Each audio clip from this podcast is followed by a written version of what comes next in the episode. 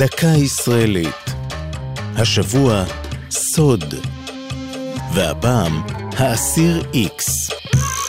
במשך שנים ארוכות הסעירה את המדינה פרשת האסיר איקס.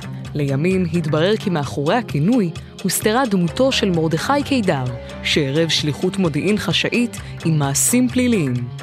קידר גויס לאגף המודיעין של צה"ל בשנות ה-50, על אף שנחשד לפני כן בשוד בנק.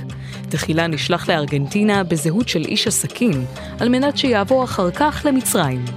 אלא שחודשים ספורים אחרי שנחת בארגנטינה, נמצא איש הקשר המקומי שלו מת, דקור בחזהו, ובכליו חסרים כ-15 אלף דולר. החשד נפל על קידר. בנובמבר 57, לאחר שפוטה לשוב ארצה, הוא נעצר. בצו מעצר מנהלי הוחזק בצינוק ובבידוד יותר משבע שנים. איש מקרוביו לא ידע על כך עד שהצליח בעורמה להעביר החוצה מסר ראשון.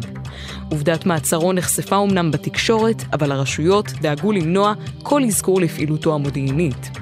כארבע שנים לאחר שהובא ארצה, הורשע ברצח ובשוד ונידון למאסר עולם. שום פרט מאלה לא פורסם, וקידר היה ונותר האסיר איקס.